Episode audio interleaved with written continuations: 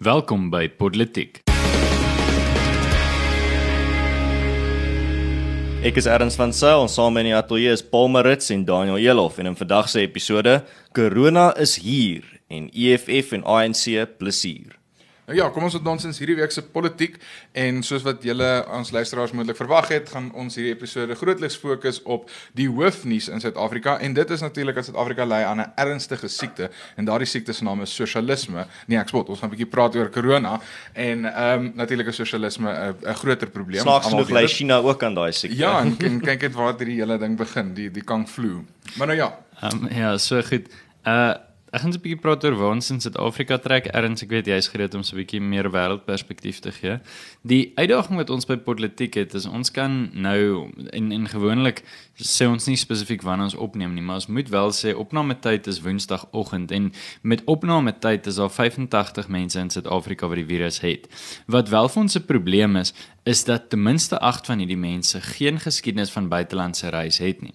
En dit beteken dat dit nie meer geïsoleer is net na mense wat in Italië was of te doen gehad het met Chinese besigheidsmense of wat ook al nie. Dis nou iets wat letterlik in Suid-Afrika besig is om te versprei. En dan moet ons askies dan moet onder ek daarom so lank as wat daar slijm in my keel is, is ek alright nou. Ons moet se droos. Hmm. Ehm um, maar dan moet ons vir onsself begin vra. Daai het ons verlede week ook maar gevra. Hoe gereed is ons om dit te hanteer? Op hierdie stadium was dit amper die elite gevalle van mense met mediese fondse, mense wat hulle self ingeboek het. Ehm um, die heel eerste man wat siek geword het in KwaZulu-Natal, hy het letterlik hospitaal toe gaan en sê hulle ek dink ek het corona. Ons is verby daai punt. Ons is verby die punt wat wat dit die manier is hoe die ding versprei en hoe dit opgetel word. Ehm um, net die verskil tussen maandag en dinsdag is meer as 'n 25% groei.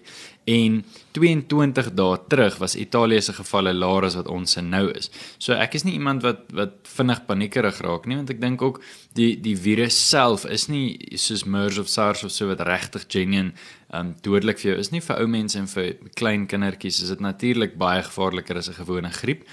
Um maar ek ek dink waar ons nou trek uh loop ons die risiko dat hierdie ding vinnig vinnig vinnig kan versprei. Mm. Irrelevant van hoe gevaarlik hy is dat hy gaan versprei, dink ek is iets wat ons nie regtig mee kan keer. Ja, miskien net om net daar buite sit Paul, dit is eintlik ook merkwaardig min kinders wat al van die siekte dood is. Ek dink daar's ongelooflik min gevalle ter wêreld. So dis eintlik net 'n uh, vir ouer mense. Dis die soort mense wat ondersteun moet word in die tyd. Dis eintlik as jy kyk na ander siektes, is dit eienaardig genoeg nie iets wat regtig kinders of jong mense aantas nie. Maar wat wat mense dink nie heeltemal verstaan nie, is dit gaan nie oor jy wat die virus kry nie. En ek dink dis 'n belangrike punt. Die die hele wat hulle nou praat van self-kwarantyne of hou jou afstand en probeer in 'n groot groepe vergader nie, gaan nie oor o genade jy gaan die siekte kry en dan gaan jy siek wees vir 'n week of wat nie. Dit gaan oor die feit dat jy as gesonde mens die siekte kry, die siekte oordra en ja. mense met 'n uh, swakker immuniteitstelsels, mense wat meer kwesbaar is as jy, jy dan die draer is van daardie siekte. En en ek dink dis die kortsigtigheid is dat mm. ons ons nie besef dat hier is een van daai min gevalle van waar julle weet hoe hoe sterk voel ek oor die individu en, en maar hier is een van daai gevalle waar 'n individu wel moet besef hy lewe binne 'n breër gemeenskap en samelewing en jou aksies en jou dade het 'n ongelooflike groot invloed op die verdere verspreiding daarvan. Ek weet nie of julle gesien het hierdie week nie, maar die Washington Post het 'n ongelooflike oulike artikel ge, geskryf waar hulle vier simulasies doen. Nou Hulle het so 'n siekte wat hulle noem simulitis en simulitis is natuurlik baie meer aansteeklik vir die simulasie se doeleindes as corona of as COVID-19. Maar ehm um, hulle wys dan wat gebeur wanneer verskillende maatreëls ingestel word. Wat gebeur wanneer daar gekwarantyne word? Wat gebeur wanneer mense hulle afstand hou net by die huise bly en van die huis af werk? En die punt is dit het 'n wesenlike effek om die verspreiding van die virus eh, te te vers, te verstadig en en om te seker te maak dit versprei nie so erg nie. Hmm. So 'n paar interessante goed wat ons wel op moet let as 'n meer internasionale perspektief het. Dit was my baie interessant om te sien dat die oomblik toe 'n Duitse firma lyk like, asof hulle dalk suksesvol kan wees. Blykbaar het president Trump probeer om die firma te koop of eksklusiewe regte te kry. wat mense seker kan verstaan. Ek dink op hierdie stadium wil Amerika homself seker ook maar help, maar dis dis een interessante ding. 'n Ander ding wat wat mense ongelukkig moet sê is dit kom voor as dit beter gaan met China. Wat jy moet besef is die oomblik toe die Amerikaanse joernaliste uit die land uit is, ehm um, toe ewe skielik hou corona op versprei. En dit kan ja. wees dat hulle wonderlik is daarmee of dit kan wees well, dat hulle die ware feite onderdruk. As dit by dit kom, uh Paul moet ons in ag neem dat die die die Chinese regering is die Chinese kommunistiese regering is die hulle volg dieselfde ideologie as die ANC. So ons as Suid-Afrikaners dink ek moet beter verstaan as enigiemand uh wat se soort waarhede uit so 'n soort stelsel kom.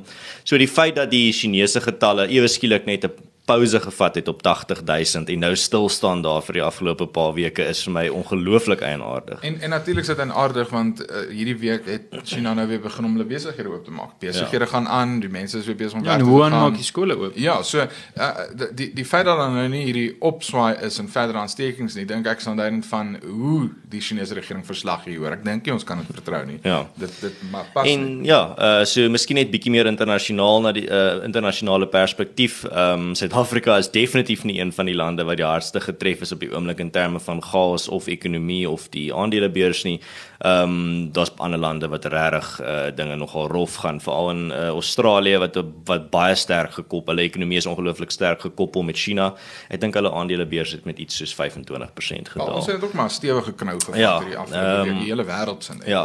Maar dan kyk jy nou byvoorbeeld na Amerika en Europa, al die aandelebeurse is uh, definitief besig in om is in reperoer eintlik hier hoor, maar dit is dis verstaanbaar want mense is besig om paniekbevange te raak. En regtig die die ding wat mense moet verstaan is die dit gaan op die ou end nie die siekte wees wat die grootste skade doen nie, ehm um, maar eerder die ekonomiese effekte daarvan. En die effekte van mense wat paniekerig raak en mense wat regtig nie kan uh wel cool cool bly nie en hulle basiese instinkte volg.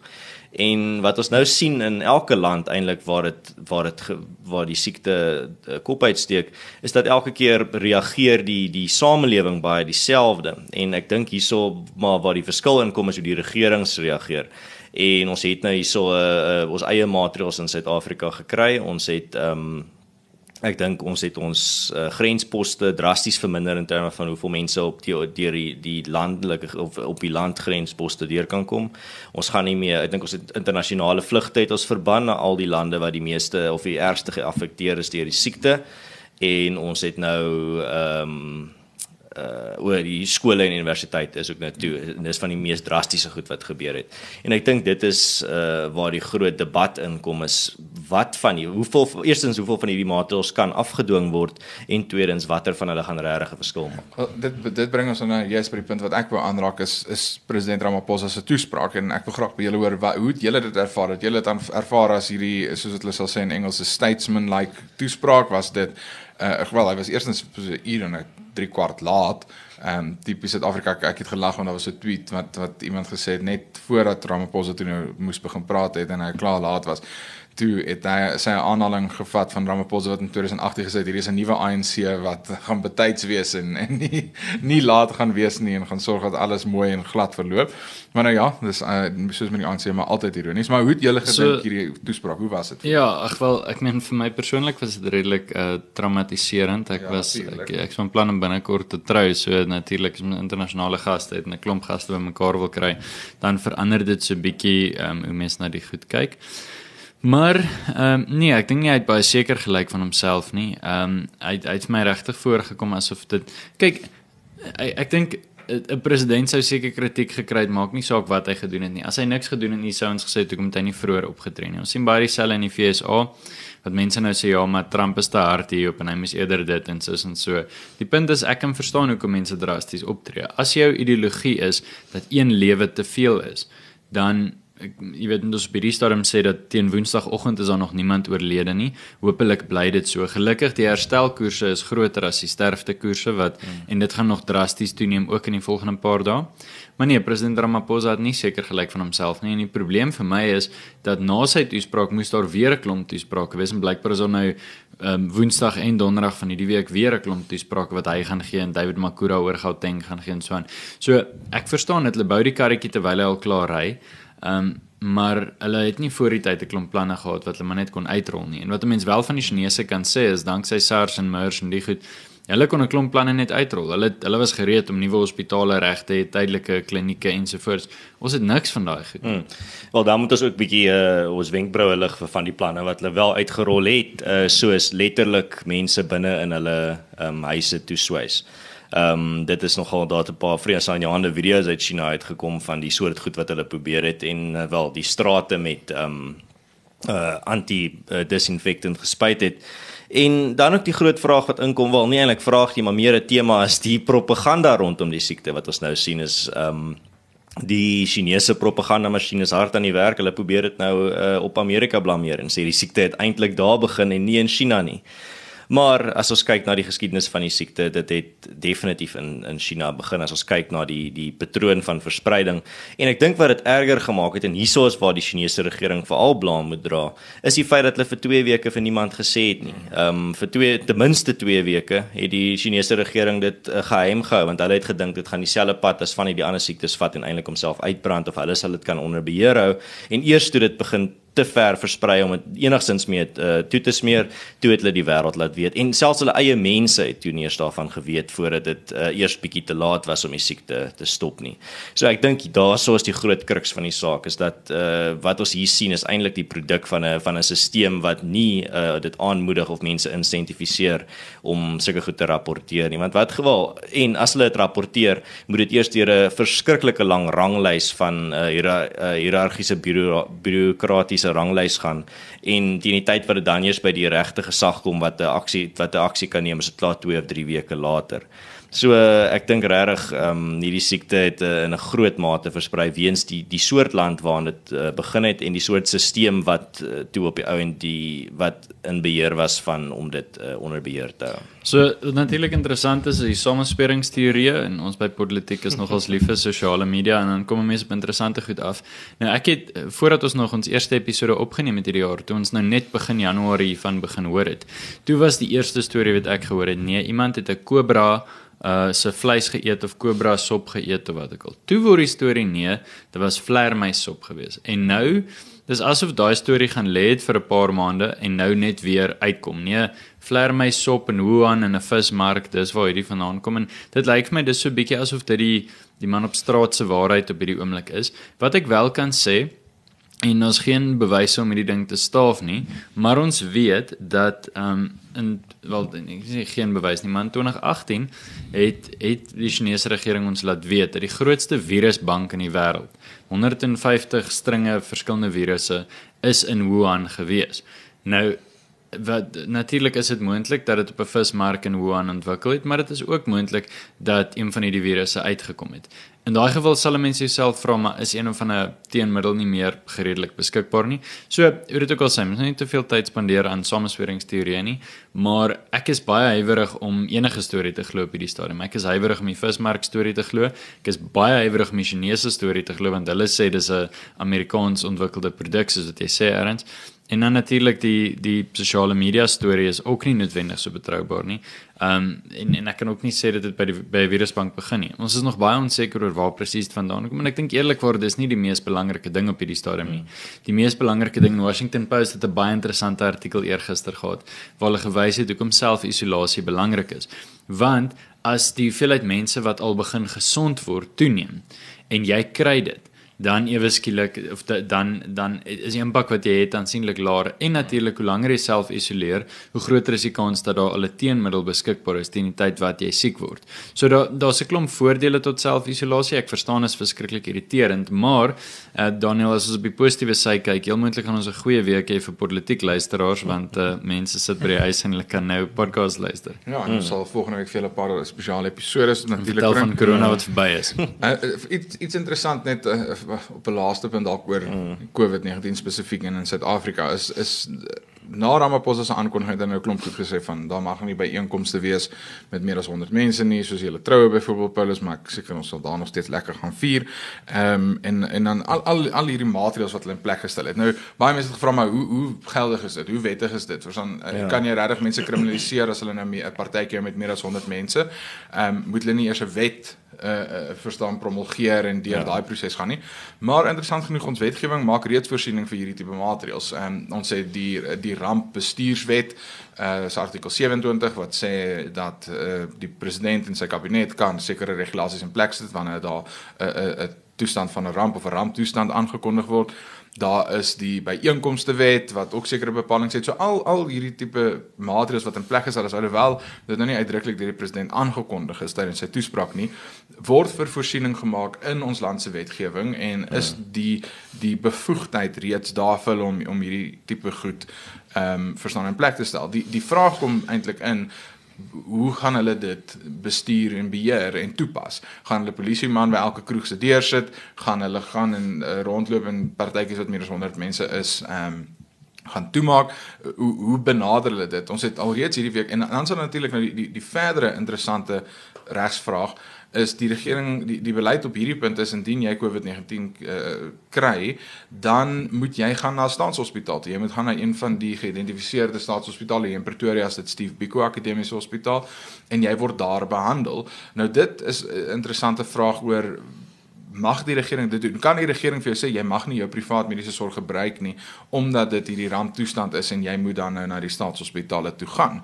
Ehm um, dit dit is 'n ek ek my my eerste gevoel my my gut my prima facie uitkyk is dat ek dink dit kan gebeur en dit dit is dit voel nie vir my reg dat die regering kan sê nee jy mag nie jou privaat mediese dienste gebruik nie jy moet die staatshospitale gebruik. Ehm um, so so dit dis dis 'n interessante gesprek en dis nou een van die goed van wanneer in tye van nood is wanneer mense regtig eintlik die regering toets en die die grense en bevoegdhede en alles van die regering hmm. uh, uitdaag en kyk hoe ver is hulle bereid om te gaan want ons sien ongelukkig baie keer word rampe en en nood gebruik deur regerings om hul invloed en hul hmm. rykwyte en hul magte uit te brei want mense is net so ja wel iemand moet dit oplos en iemand mm. moet dit uitsorteer so kom ons gee nou maar net aan die regering hierdie meer ja. magte. En dan uh, my finale gedagte daar's ook net uh, iets wat ons nou gesien het wat ons lanklaas in Suid-Afrika gesien het maar dit is nie iets heeltemal vreemd nie is die mense wat nou goed opgaar of na die winkels toe gaan en ekstra blikkies kos koop en toiletpapier vir al koop wit goud En wat ons nou hierso sien gebeur is eintlik maar net die hoe die mensdom reageer in 'n tipiese krisis. Maar ehm um, ek dink wat belangrik is hierso is dat uh, dit in 'n tyd van 'n krisis kom jou ware self en jou ware karakter na vore en ek dink in, in die volgende paar maande moet ons luisteraars sal ek graag wil aanmoedig uh, werk hard daaraan dat die beste kant van jou na vore toe kom in die, in die tyd van 'n krisis. Maak nie saak of die krisis vir jou affekteer of nie. Ehm um, daar mense rondom jou gaan dalk bietjie paniekerig raak, daar gaan dalk mense rondom jou wees wat eh, 'n uh, kant van hulle self vir jou wys wat jy nooit gesien het nie, maar ek wil net graag ons luisteraars aanmoedig om kalm te bly en seker te maak dat hulle eh, 'n uh, pilaar van sekerheid en kalmte en 'n uh, pilaar van integriteit in hierdie tyd sal wees vir hulle gesin en hulle vriende en familie rondom hulle en maak seker dat aan die einde van dit as ons aan die ander kant uitkom uh dat jy dan kan terugkyk en sê maar jy het op die regte manier gereageer en jy het 'n positiewe impak op jou gesin en gemeenskap gehad. Nou ja, ons kan nie ook net oor COVID-19 praat nie. Kom ons gesels 'n bietjie oor 'n tweede onderwerp in vandag se episode. En dit is 'n foto wat op sosiale media versprei het en bietjie vir mense aan die praat gekry het oor iets anders as hierdie virus en al sy gevolge in Suid-Afrika. En uh, dis 'n foto wat Julius Malema gepost het op sy Twitter waar hy met Fikile Mbulula staan en hulle pragtig lyk in hulle koloniale uh mooi uh taxes of wat soms 'n mooi baadjies en jas en broek. Ehm um, wat wat die die interessante gesprek is nie die feit dat hulle foto's aangeneem het nie. Ek bedoel dis dis glad nie hier op sy eie nie. Die interessantheid hiervan is die die feit dat die ANC en die EFF eintlik maar volgens ons en ons sê dit al vir maande lank uh, van dit politiek begin het eintlik maar net kop in een mis is. Dis dis dieselfde party ideologies, hulle hulle kyk na die wêreld op dieselfde manier. Ons sien dit wanneer dit kom by goed soos die NGV, grondonteiening sonder vergoeding, aan ons steun hulle, maar eintlik dieselfde beleid. Die EFF is net op sekere punte bietjie meer radikaal as die ANC en natuurlik is die EFF nie aan bewind nie, so hulle hoef nie met die realiteite van om te regeer gekonfronteer te word nie. Ehm um, oor Malema en Mbalula self, hulle het natuurlik 'n lang geskiedenis. Hulle is al vriende vir lank. Ehm um, Mbalula was leier van die uh, eh, ANC jeugliga gewees en hy's toe opgevolg deur Julius Malema in 2008. Ehm um, hulle is natuurlik lank saam in die party totdat Malema uitgeskop is. So, hulle twee self het ook 'n goeie verhouding. En maar, maar ons sien dit gereeld dat die ANC en die EFF eintlik maar net uh, op die ouene goeie vriende is en hulle vir hulle self net 'n ou plekjie in die politiek uitgekap het die EFF en die ANC dit het maar so tussen die ANC deur gebeur. Ja, so ehm um, my gevoel dit is soos met dit nie natuurlik dis nie verbasend nie, maar verder as dit 'n paar opmerkings. Ten eerste, ja, die EFF het gegroei in 2019, maar ek is vasoortuig dat die EFF 'n ernstige bestaanskrisis het. Hulle groot kwessie was grond en die grondkwessie is nou ten volle deur die ANC gekaap. Ten volle. As jy op hierdie stadium praat oor die party wat grond eh, wat die die grondwet wil verander in terme van onteiening sonder vergoeding dan dink jy nie EFF nie. So die EFF sit bietjie met 'n bestaanskrisis verder as dit hierdie harde lyn linksheid wat hulle nastreef Waartoe kan hulle verder links gaan as die ANC sonder om werklik waarop 'n Venezuela ehm um, tipe van 'n kommunisme af te loop en en die wêreld sal dit gewoon nie toelaat nie en eerlikwaar hulle lede wil nie dit hê nie. Ehm um, ek dink baie van hulle lede hoor 'n bietjie meer 'n radikale boodskap en dink dit kan welvaart skep of sien politieke opportunisme, mense wat weet dat hy nie vinnig deur die ANC ranks gaan gaan nie. So hy trek sy bietjie meer radikale hoetjie aan en hy hy word 'n EFF lid. Mm ek ek glo wel dat Julius Malema op 'n stadium terug sal kom ANC toe en hulle weet dat hy 'n groot hoeveelheid stemme gaan terugbring. Daar sal 'n faksie wees wat van hom afbreek en daai radikale pad aanhou loop. Ja. Maar Julius gaan van daai 12% wat hy van die ANC ja. wegvat, dit gaan hy 10% of so terugbring en hulle 65 66% maar net vir hulle konsolideer oor 'n paar jaar. Daaroor het ek min twyfel. Ehm um, dis gewoon net sodat hy nie politieke beweegruimte het nie. Ja, en ek dink my voorspelling vir die EFF sal wees en om aan te sluit by wat jy gesê het, Paul, ek is ook amper 100% seker dat Julius Malema terug sal gaan na die ANC. Toe. Ek bedoel pres, president Ramaphosa het alself in sy eie woorde onlangs gesê, ek dink dit was laas jaar of jaar voor dit dat ehm um, die ANC sal enige tyd vir Julius Malema terugvat en dis eintlik sy ware tuiste. So my voorspelling sal wees dat uh, in die toekoms as die EFF, ek dink nooit die EFF was ooit 'n uh, ehm um, Julius Malema se plan om in mag te te kom nie. Ek dink Julius Malema het ooit homself uh, gesien as die president van Suid-Afrika as die EFF leier nie. En daarom dink ek was dit maar net 'n 'n platform wat hy gebruik het om of 'n trappie om na die volgende trappie aan te beweeg. En ek dink sy retoriek gaan wees as hy terug gaan na die ANC toe, is hy het nou sy stryd geveg, hy het nou sy pad gestap. Hy het nou sy ehm um, homself eintlik bewys buite die ANC maar nou het die verlore seun teruggekom en dis nou sy tyd om die ANC op die op die reg uit die uit die agenda um, bepaal van die ANC toe hy buite dit was en nou gaan hy die ANC in daai rigting vat. Ja, en hulle gaan hom met oop arms aanvaar en hulle sit met 'n leierskapstekort. Hulle het ja. al die ouens wat van die eiland af teruggekom het in 91, 92, 93 ensvoorts. Ehm um, maar hulle jong leiers is nie sterk nie. Dis waar. Ek meen ja. Ronald Lamola wat die jong ster van die ANC is, was Julius Malema se adjunk by die jeugliga. So wie wie is daardie sterker leier? Ja. Nou ja, uh en dan as ons so vinnig in hierdie donker week kan kyk na 'n paar positiewe punte van my kant af. 'n Interessante verwikkeling wat ons gesien het is dat DStv het besluit om 13 van sy kanale gratis aan elke Suid-Afrikaner beskikbaar te stel. Mense kan net gaan na hulle DStv na toe en dan kan jy vir jou profiel skep en dan het jy toegang tot die 13 kanale. Dit sluit 'n sportkanaal, die weerkanaal en 'n paar nuuskanale in. Soos 238, jy kan kyk hoe perde hardloop dink ek. Ek weet ek dink SuperSport Play of iets. Ek ek is nie seker wat nie. Maar die, die punt is ek ek dink is 'n baie oulike verwikkeling. Ek dink uh, dit is uh, dit spreek boekdele van hoe effektief die mark kan werk. Ehm um, uh, uh, ander akteurs soos nou nie regte akteurs nie, maar maar markakteurs is soos Netflix, Hulu, Amazon Prime het nou gedwing dat DStv hierdie maatreëls moet instel dat hulle moet hulle dienste verbeter mm. en dit alles tot voordeel van die gebruiker. So ek dink weer eens ja. kyk net hoe wonderlik wen die mark. Ja, ehm um, die private sektor is besig om op sy eie ehm um, te ja. sorg dis dieselfde wat ons sien met die COVID virus. Private sektor is besig om innoverend te dink. Ek sien Pick n Pay het nou begin om hulle winkels 'n uur vroeër oop te maak en dat uh mense bo 65 of bejaarde mense dan nou dubbel smart shopper punte kan kry as hulle in daai tyd uh, by die winkel kom hulle inkopies doen alles dink ek uh, net uh, aanduidend van die feit dat die private sektor aansienlik beter as die regering kan reageer wanneer dit kom by tye van krisis. Ja, en ek ek hou daarvan dat jy die die kompetisiepunt opbring want ek dink die die groot ding hierso is dat as ons kyk na DStv selfs net 'n paar jaar terug sou dit nie gebeur het nie. Ja. In die, in die voor die era van die internet of voor streaming eh, gesien ons nie hierdie gebeur nie. Hmm. En uh, dan ook maar net iets 'n uh, bietjie van 'n blinkkant bo of net 'n snaakse staaltjie is die uh, ek sien mense nou en nou dat die daar nie meer sport is nie of reg baie min sport is dat ons kan kyk. Nie mense nou alselfs weet ernstige wetenskappe uit of dit gaan reën of nie. Nou ja, soos uh, die era van bladskit en tannies by die kerk soen groet, as hierdie episode vir eers verby is, nooi jou as luisteraar uit om ook self bietjie te ontnonsens deur die gesprek voort te sit in die kommentaar afdeling. Ondersteun ons gerus op Patreon as jy hou van wat ons doen. Jy is meer as welkom om ons resensie te los, jou klagtes en gedagtes.